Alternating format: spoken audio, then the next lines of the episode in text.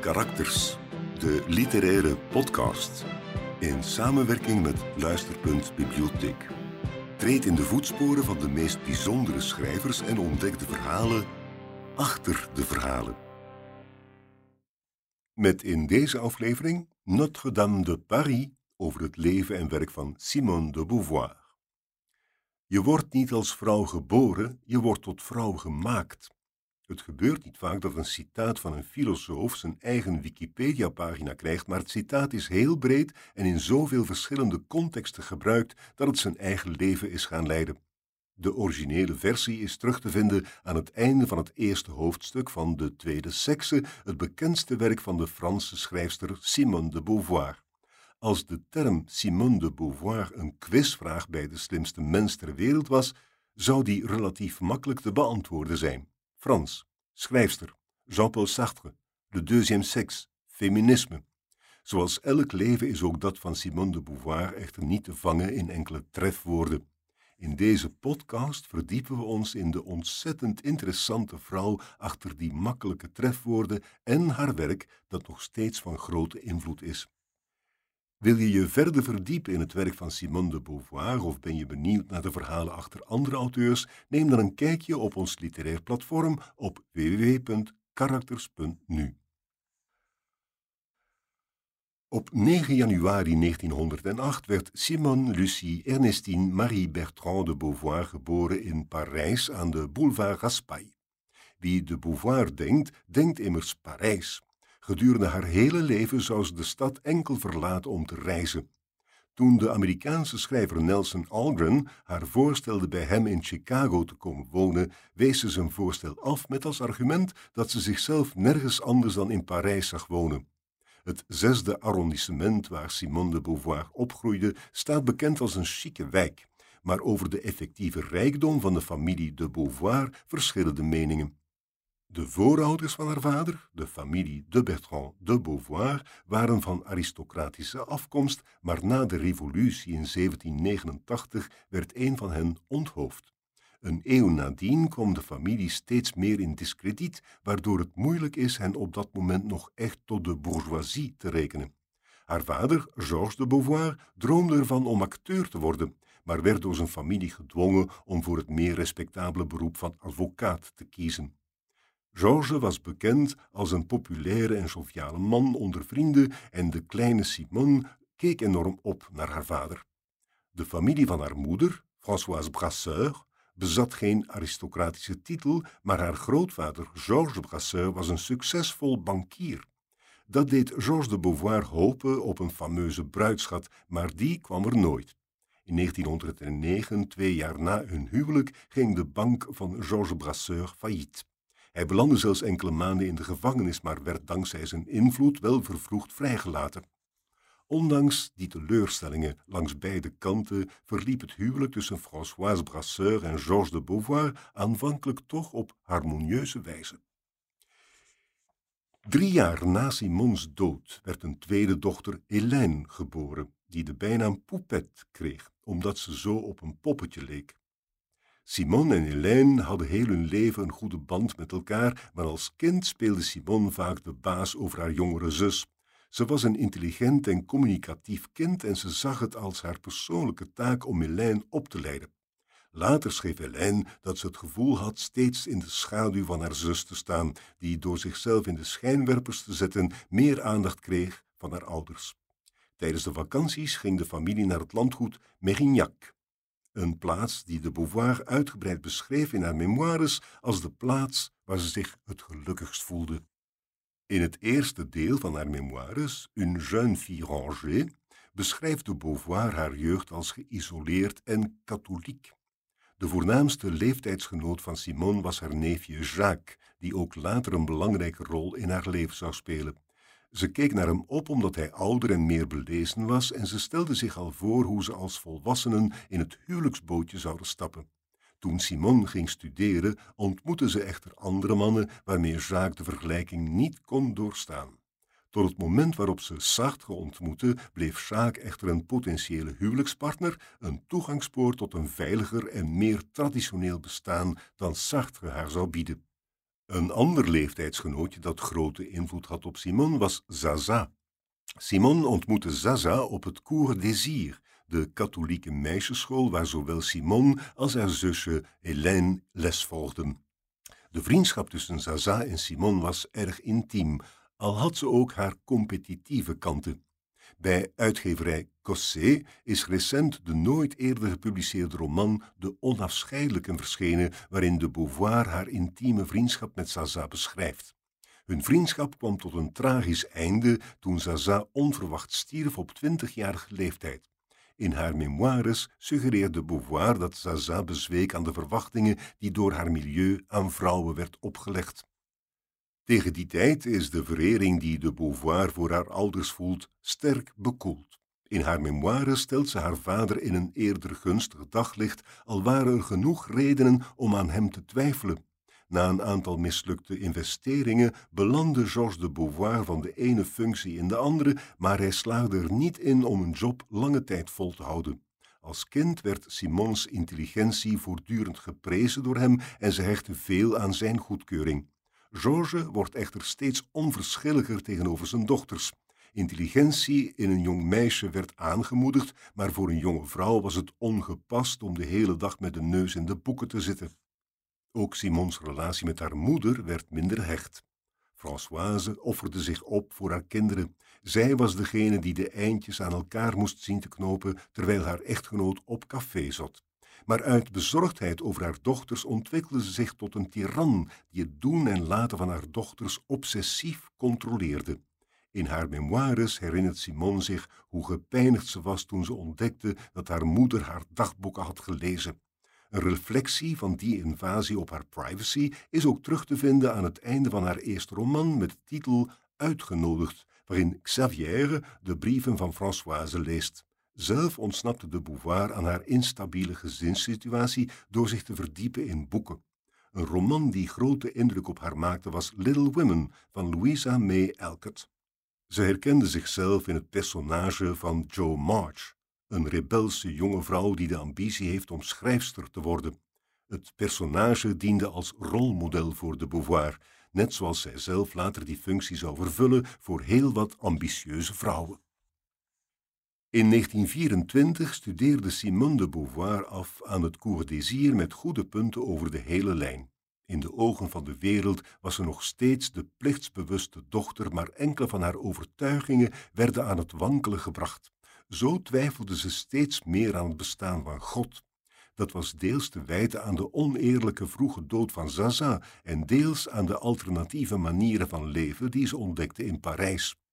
Samen met Zaza's gouvernante Stefa kwam ze in contact met mannen en baars, twee dingen die een sterke aantrekkingskracht op haar uitoefenden. In haar dagboeken ontwikkelt ze een filosofische manier van redeneren, evenals de grondslag voor een dilemma dat centraal zal staan in haar hele werk. Hoe kan je lief hebben zonder jezelf weg te geven? Volgens de Beauvoir is liefde altijd een balans tussen zelf en ander, waarbij egoïsme en zelfopoffering de twee uiteinden van het spectrum zijn. Die balans is gebonden aan gender, aangezien van de vrouw verwacht werd dat ze haar hele leven aan haar echtgenoot zou wijden. In de traditionele rolverdeling van die tijd hadden mannen de vrije tijd om aan hun persoonlijke projecten te werken, terwijl het leven van de vrouw in het teken van zorg voor anderen stond. Dit zag de Beauvoir maar al te duidelijk terug in de relatie van haar ouders, de zelfopoffering bij haar bemoeizuchtige moeder, het egoïsme bij haar nalatige vader. De 18-jarige Simone beseft al vroeg dat ze daarom meer wil zijn dan een echtgenote. Ze wil dat haar eigen ideeën even serieus worden genomen als die van haar partner. De fundamenten waarop de Beauvoirs leven steunt worden steeds wankeler en ze laat deze nog meer los wanneer ze in 1925 aan de Sorbonne gaat studeren. De Universiteit van Parijs, beter bekend als de Sorbonne, heeft heel wat filosofen voortgebracht, zoals Gilles Deleuze, Roland Barthes en Paul Ricoeur. Maar toen de Beauvoir studeerde, werd de Sorbonne nog als de minder prestigieuze optie gezien. De echte filosofen studeerden aan de École Normale Supérieure, of zo dacht filosoof Jean-Paul Sartre er toch over. Simone de Beauvoir kwam voor het eerst in contact met die Normalien. zoals de studenten aan de school worden genoemd door een andere filosoof, Maurice Merleau-Ponty. De Beauvoir voerde diepe gesprekken met de toekomstige fenomenoloog. Ze werden goede vrienden en Merleau-Ponty had zelfs een tijd lang een relatie met Zaza, maar de Beauvoir was teleurgesteld toen ze ontdekte hoe katholiek hij was. Zijzelf had zich ondertussen van haar katholieke geloof afgekeerd. Ze noemde zichzelf een overtuigd atheïst. Ze neigde steeds meer naar een oudere medestudent, René Maheu, die goed bevriend was met Sartre. Hij nodigde de Beauvoir uit om deel te nemen aan hun exclusieve studiegroepje dat hij vormde samen met Sartre en Paul Nizan. Met z'n vieren studeerden ze voor hun agrégation, een competitief examen en de hoogst mogelijke onderscheiding in de filosofie op dat moment. De resultaten van dat examen zijn maar al te vaak herhaald. Sartre was eerste, de Beauvoir tweede. Later werd dit resultaat aangehaald als een voorbode van hun toekomst, waarbij de Beauvoirs denken secundair wordt beschouwd aan dat van Sartre. Hier moet echter bij vermeld worden dat de Beauvoir voor dat examen slaagde op haar 21ste. Ze was de jongste persoon in de geschiedenis die een agrégation behaalde en de tweede vrouw, enkel haar naamgenote Simone Weil, ging haar voor. In de zomervakantie na haar eerste studiejaar spenderen zij en Sartre heel wat tijd samen. Ze dromen van een toekomst waarin ze samen zouden werken en schrijven en een leven zouden leiden los van conventies. Rond die periode wordt ook hun bewuste pact in het leven geroepen. Ze spreken af dat ze elke relatie mogen hebben met andere mensen op voorwaarde dat ze volledig eerlijk met elkaar zijn. Hun beslissing om een open relatie te hebben was radicaal in een tijd dat het huwelijk de enige logische optie was, maar voor de Beauvoir was het een oplossing voor haar dilemma. Het pact leek de ideale manier om haar liefde voor Sartre te verzoenen met haar nood aan vrijheid. En die vrijheid was niet evident. Op het moment dat Sartre en de Beauvoir hun pact sloten, hadden vrouwen in Frankrijk zelfs nog geen stemrecht. In een context die zo weinig mogelijkheden bood voor vrouwen, is het bewonderenswaardig hoe de jonge Simone weigerde zich te laten definiëren door haar identiteit als vrouw. Ook in de praktijk liet ze zich niet limiteren door de liefde voor één man. Simone de Beauvoir koesterde op dat moment gevoelens voor haar studiegenoot René Maheu en in de jaren die volgden had ze relaties met zowel mannen als vrouwen. Er is al veel inkt gevloeid over de aard van Sartre en de Beauvoirs relatie. In de jaren zestig waren ze het ultieme power couple dat de Franse bourgeoisie op zijn grondvesten deed daveren. Toch kwam er ook heel wat kritiek op hun relatie. Feministische denkers vroegen zich af waarom de Beauvoir bij de intellectuele maar onaantrekkelijke Sartre bleef, wiens filosofische postuur haar eigen werk in de schaduw stelde. Anderen stellen dat Sartre zonder enige twijfel de superieure denker was en dat de Beauvoir zijn ideeën enkel toegankelijk maakte voor een groter publiek. De waarheid ligt ergens tussen die twee posities. In haar memoires beschrijft de Beauvoir Sartre als de onvergelijkbare vriend van mijn denken. Beide denkers wilden hun leven wijden aan de filosofie en de literatuur, een proces waarin ze elkaar vaak uitdaagden. Ze bespraken hun ideeën en theorieën voortdurend met elkaar en hun individuele werk draagt dan ook de sporen van hun talloze conversaties. Tegelijkertijd steunen ze vaak op andere mensen om aan hun emotionele en seksuele behoeften te voldoen. Simone de Beauvoir en Sartre hadden een uitgebreid netwerk van vrienden en bewonderaars rondom zich, die ze liefkozend la famille noemden. De mensen in dat netwerk, die vaak studenten van Sartre of de Beauvoir waren, hadden onderling ook relaties met elkaar, een dynamiek die voor heel wat complexiteit kon zorgen. Na haar studies nam Simone de Beauvoir een onderwijspost aan, eerst in Marseille en dan in Rouen. Daar bezocht Sartre haar regelmatig. Hij had ook een onderwijspost in Le Havre. Ze spraken nog steeds uitvoerig over filosofie, literatuur en politiek. Ze ontdekten rond die periode ook de fenomenologie, een manier van filosoferen die niet vertrekt vanuit theoretische concepten, maar uit de geleefde ervaring. Dat sloot perfect aan bij de ideeën die Simone de Beauvoir had over filosofie. Ze wilde de filosofie leven in plaats van haar enkel te bestuderen. Terwijl de twee denkers ijverig werkten, begon rondom hen het nazisme op te komen. In 1933 werd Hitler kanselier. Maar de Beauvoir schreef in haar memoires dat ze pas later echt besefte wat dat betekende. Pas in 1939, toen Sartre weer ingelijfd werd om mee te vechten in de oorlog, door zijn slechte ogen moest hij niet aan het front vechten, maar werkte hij als meteoroloog, besefte de Beauvoir pas echt hoe serieus de situatie was.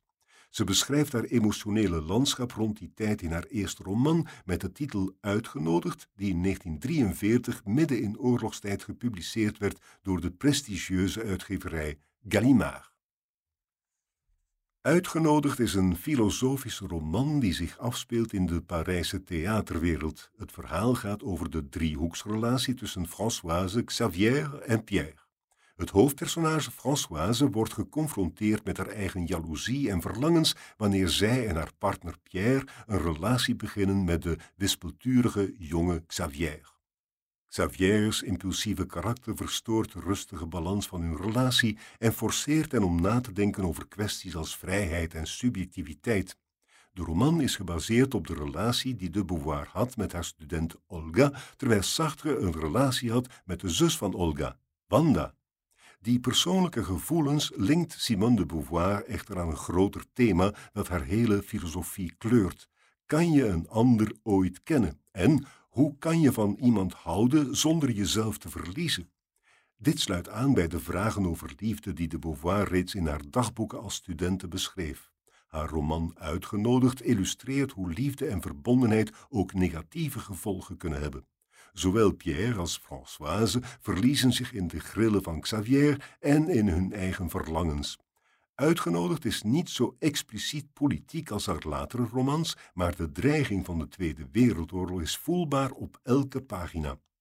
De maatschappelijke chaos vormt een reflectie van de persoonlijke chaos van de personages. Ook Simone de Beauvoir's relationele leven nam chaotische wendingen. Terwijl ze relaties onderhield met haar studentes Bianca en Olga, had ze ook een stiekeme affaire met Jacques Laurent, de partner van Olga. Ze werd verteerd door schuldgevoel omdat ze de affaire geheim moest houden en ondanks hun vriendschap had Olga tot na de Beauvoirs dood geen idee wat zich tussen hen had afgespeeld. De jaren waarin ze uitgenodigd schreef vormen de woeligste jaren uit de Beauvoirs persoonlijke leven. Het zijn tevens de jaren die haar, in de woorden van Julia Kristeva, de reputatie van libertijnse terroriste bezorgde. Het is soms moeilijk om het persoonlijke leven van de Beauvoir strikt te scheiden van haar werk, aangezien de twee zo nauw met elkaar verweven zijn. Jammer genoeg heeft de focus op haar persoonlijk leven haar werk als intellectueel soms overschaduwd. De Tweede Wereldoorlog dwong Simone de Beauvoir, die in Parijs bleef, om moeilijke ethische beslissingen te maken. Om tijdens de nazi-bezetting haar onderwijsfunctie te mogen behouden, moest ze bijvoorbeeld een schriftelijke verklaring indienen waarin stond dat ze geen Joodse voorouders had. Die verklaring tekende ze dus om pragmatische redenen. Desondanks verloor ze in 1943 toch haar functie als onderwijzeres, want ze werd ervan beschuldigd relaties te hebben met minderjarige studentes. De beschuldigingen konden niet hard gemaakt worden, maar ze werd evengoed ontslagen. De Beauvoir keerde na die gebeurtenissen niet meer terug naar het onderwijs, maar legde zich toe op een carrière als schrijfster. Nu ze de tijd had om zich volledig aan het schrijven te wijden, publiceerde ze frequenter literair en filosofisch werk. Tussen 1945 en 1947 publiceerde Simone de Beauvoir, die op dat moment op vaste basis uitgegeven werd bij Gallimard, maar liefst vijf werken. In de filosofische essays Et Cineas en Pour une morale de l'ambiguïté zet ze voor het eerst haar filosofische ideeën over ethiek en vrijheid uiteen. In tegenstelling tot Sartre, die rond dezelfde periode L'être et le néant publiceerde, geloofde Beauvoir niet dat mensen een eindeloze vrijheid hebben om zichzelf uit te vinden. Elk persoon wordt namelijk begrensd door zijn of haar context, waardoor elk bestaan een gesitueerd bestaan is. Die gesitueerdheid is essentieel voor de Beauvoirs filosofie, maar de maatschappelijke dimensie van haar filosofie komt pas volledig tot bloei in haar bekende werk De Tweede Sekse. In dezelfde periode schreef ze haar eerste en enige toneelstuk De Nutteloze Monden, dat functioneert als een filosofisch gedachte-experiment over sociale ongelijkheid. Ze publiceerde ook twee romans, Bloed van anderen, dat zich net als uitgenodigd situeert in het Parijs van voor de Tweede Wereldoorlog, en Niemand is onsterfelijk, een metafysische roman over onsterfelijkheid. Na de oorlog kwam Sartre terug naar Parijs, waar beide denkers hun werk zoals voordien hervatten in Les Deux Magots en Café de Flore, cafés die nog steeds onlosmakelijk verbonden zijn met de Beauvoir en Sartre. Ze richten samen het linkse tijdschrift Les Temps Moderne op, dat een derde stem bood naast de marxistische en christelijke stemmen die de Franse politiek domineerden. Ze vertegenwoordigden de stem van de linkse intellectuelen en hun namen werden steeds bekender onder Parijzenaren. Nu nog steeds wordt de Beauvoir geassocieerd met het existentialisme, al verwierp zij dat label meermaals met als argument dat haar filosofie geen systeem is, maar gebaseerd is op de geleefde ervaring. Door hun groeiende bekendheid kwam ook hun relatie in het vizier van de media, wat heel wat voer gaf voor speculatie. De seksistische nieuwsbronnen eind jaren 40 benadrukten de secundaire rol van de Beauvoir in haar relatie met Sartre. Samedi Soir gaf haar zelfs de denigrerende bijnaam Notre-Dame de Sartre.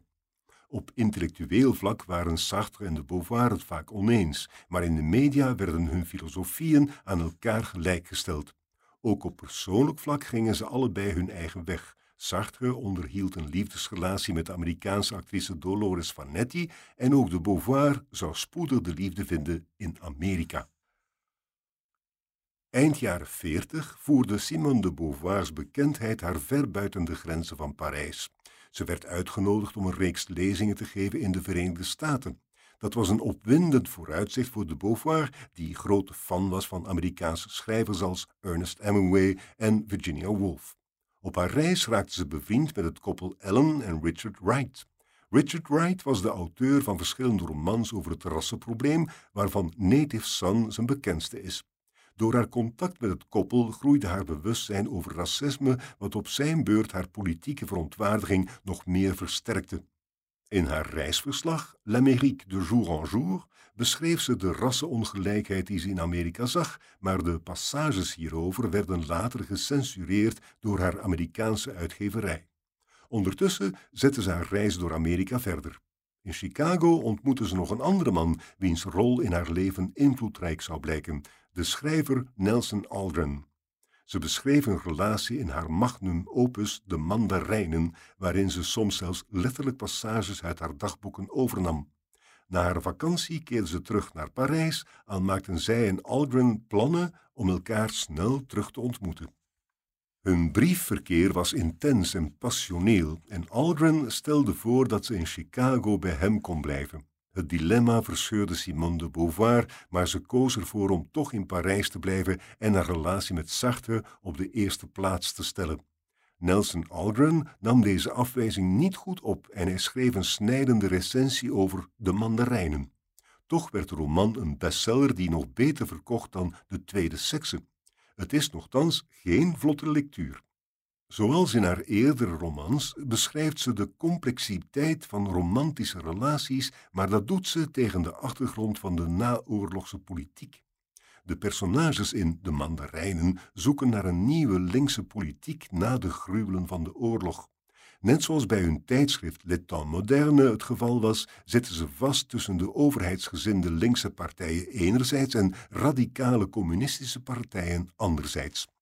De twee mannelijke hoofdpersonages werden gezien als representaties van Sartre en Albert Camus, een schrijver die recent tot hun kringen ging behoren. Dat was ook de kritiek die de Beauvoir kreeg op de mandarijnen.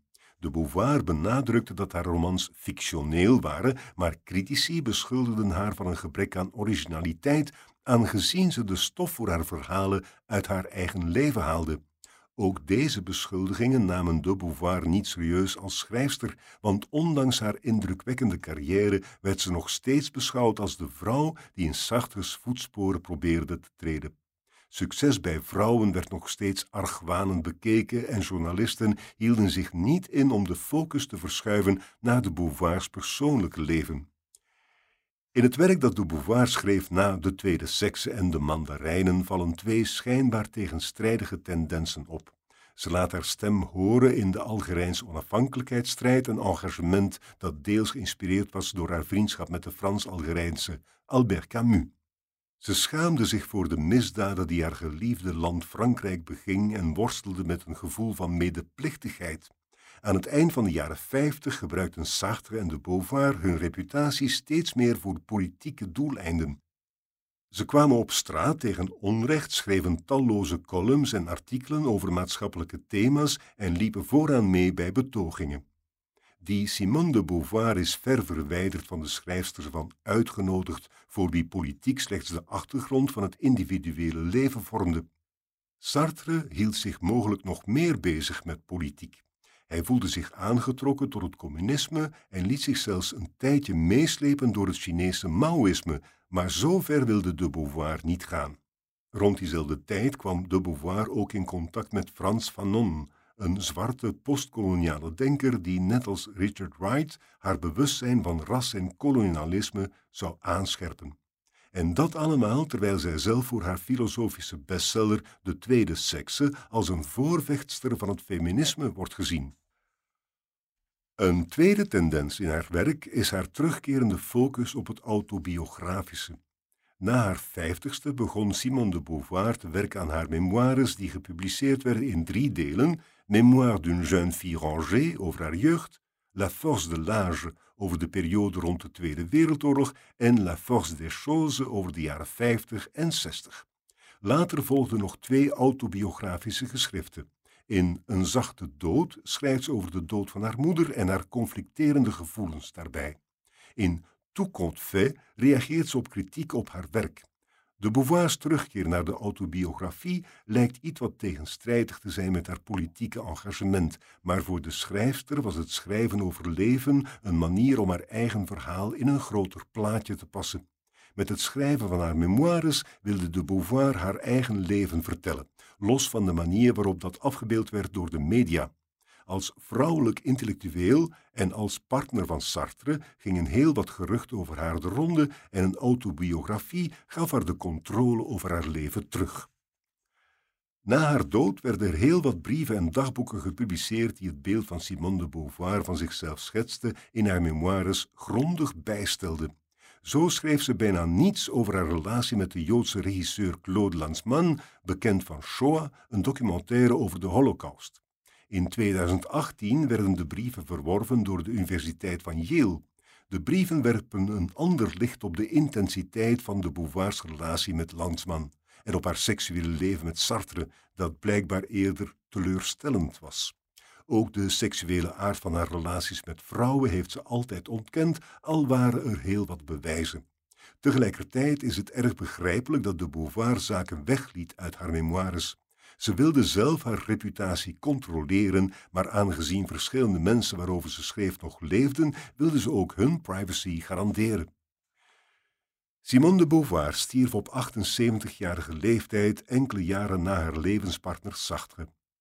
Voor haar dood adopteerde ze haar metgezel Sylvie Le Bon, die tot op heden het werk van de Beauvoir beheert. Ze stierf op hoge leeftijd aan ouderdom. Dood en ouderdom waren onderwerpen die haar al langer bezighielden, zeker toen ze zelf een bepaalde leeftijd bereikte. Op 62-jarige leeftijd schreef ze De Ouderdom, waarin ze de toestand van het ouder worden analyseerde. Net als vrouwen werden ook oudere mensen gezien als de ander. Voor vrouwen is het vooruitzicht van ouder worden nog schrijnender dan voor mannen, aangezien oudere vrouwen niet meer als seksuele wezens worden beschouwd. Op een vergelijkbare manier als in de tweede sekse deed ze uitgebreid onderzoek naar getuigenissen over ouderdom. In haar research kwam ze tot de positieve conclusie dat ouderdom louter een situatie is en dat je zelf kan bepalen op welke manier je ouder worden beleeft. Dat is wat de Beauvoir zelf ook deed. Tot aan haar dood in 1986 leidde ze feministische bijeenkomsten, ging ze naar musea en dronk ze whisky met La Famille.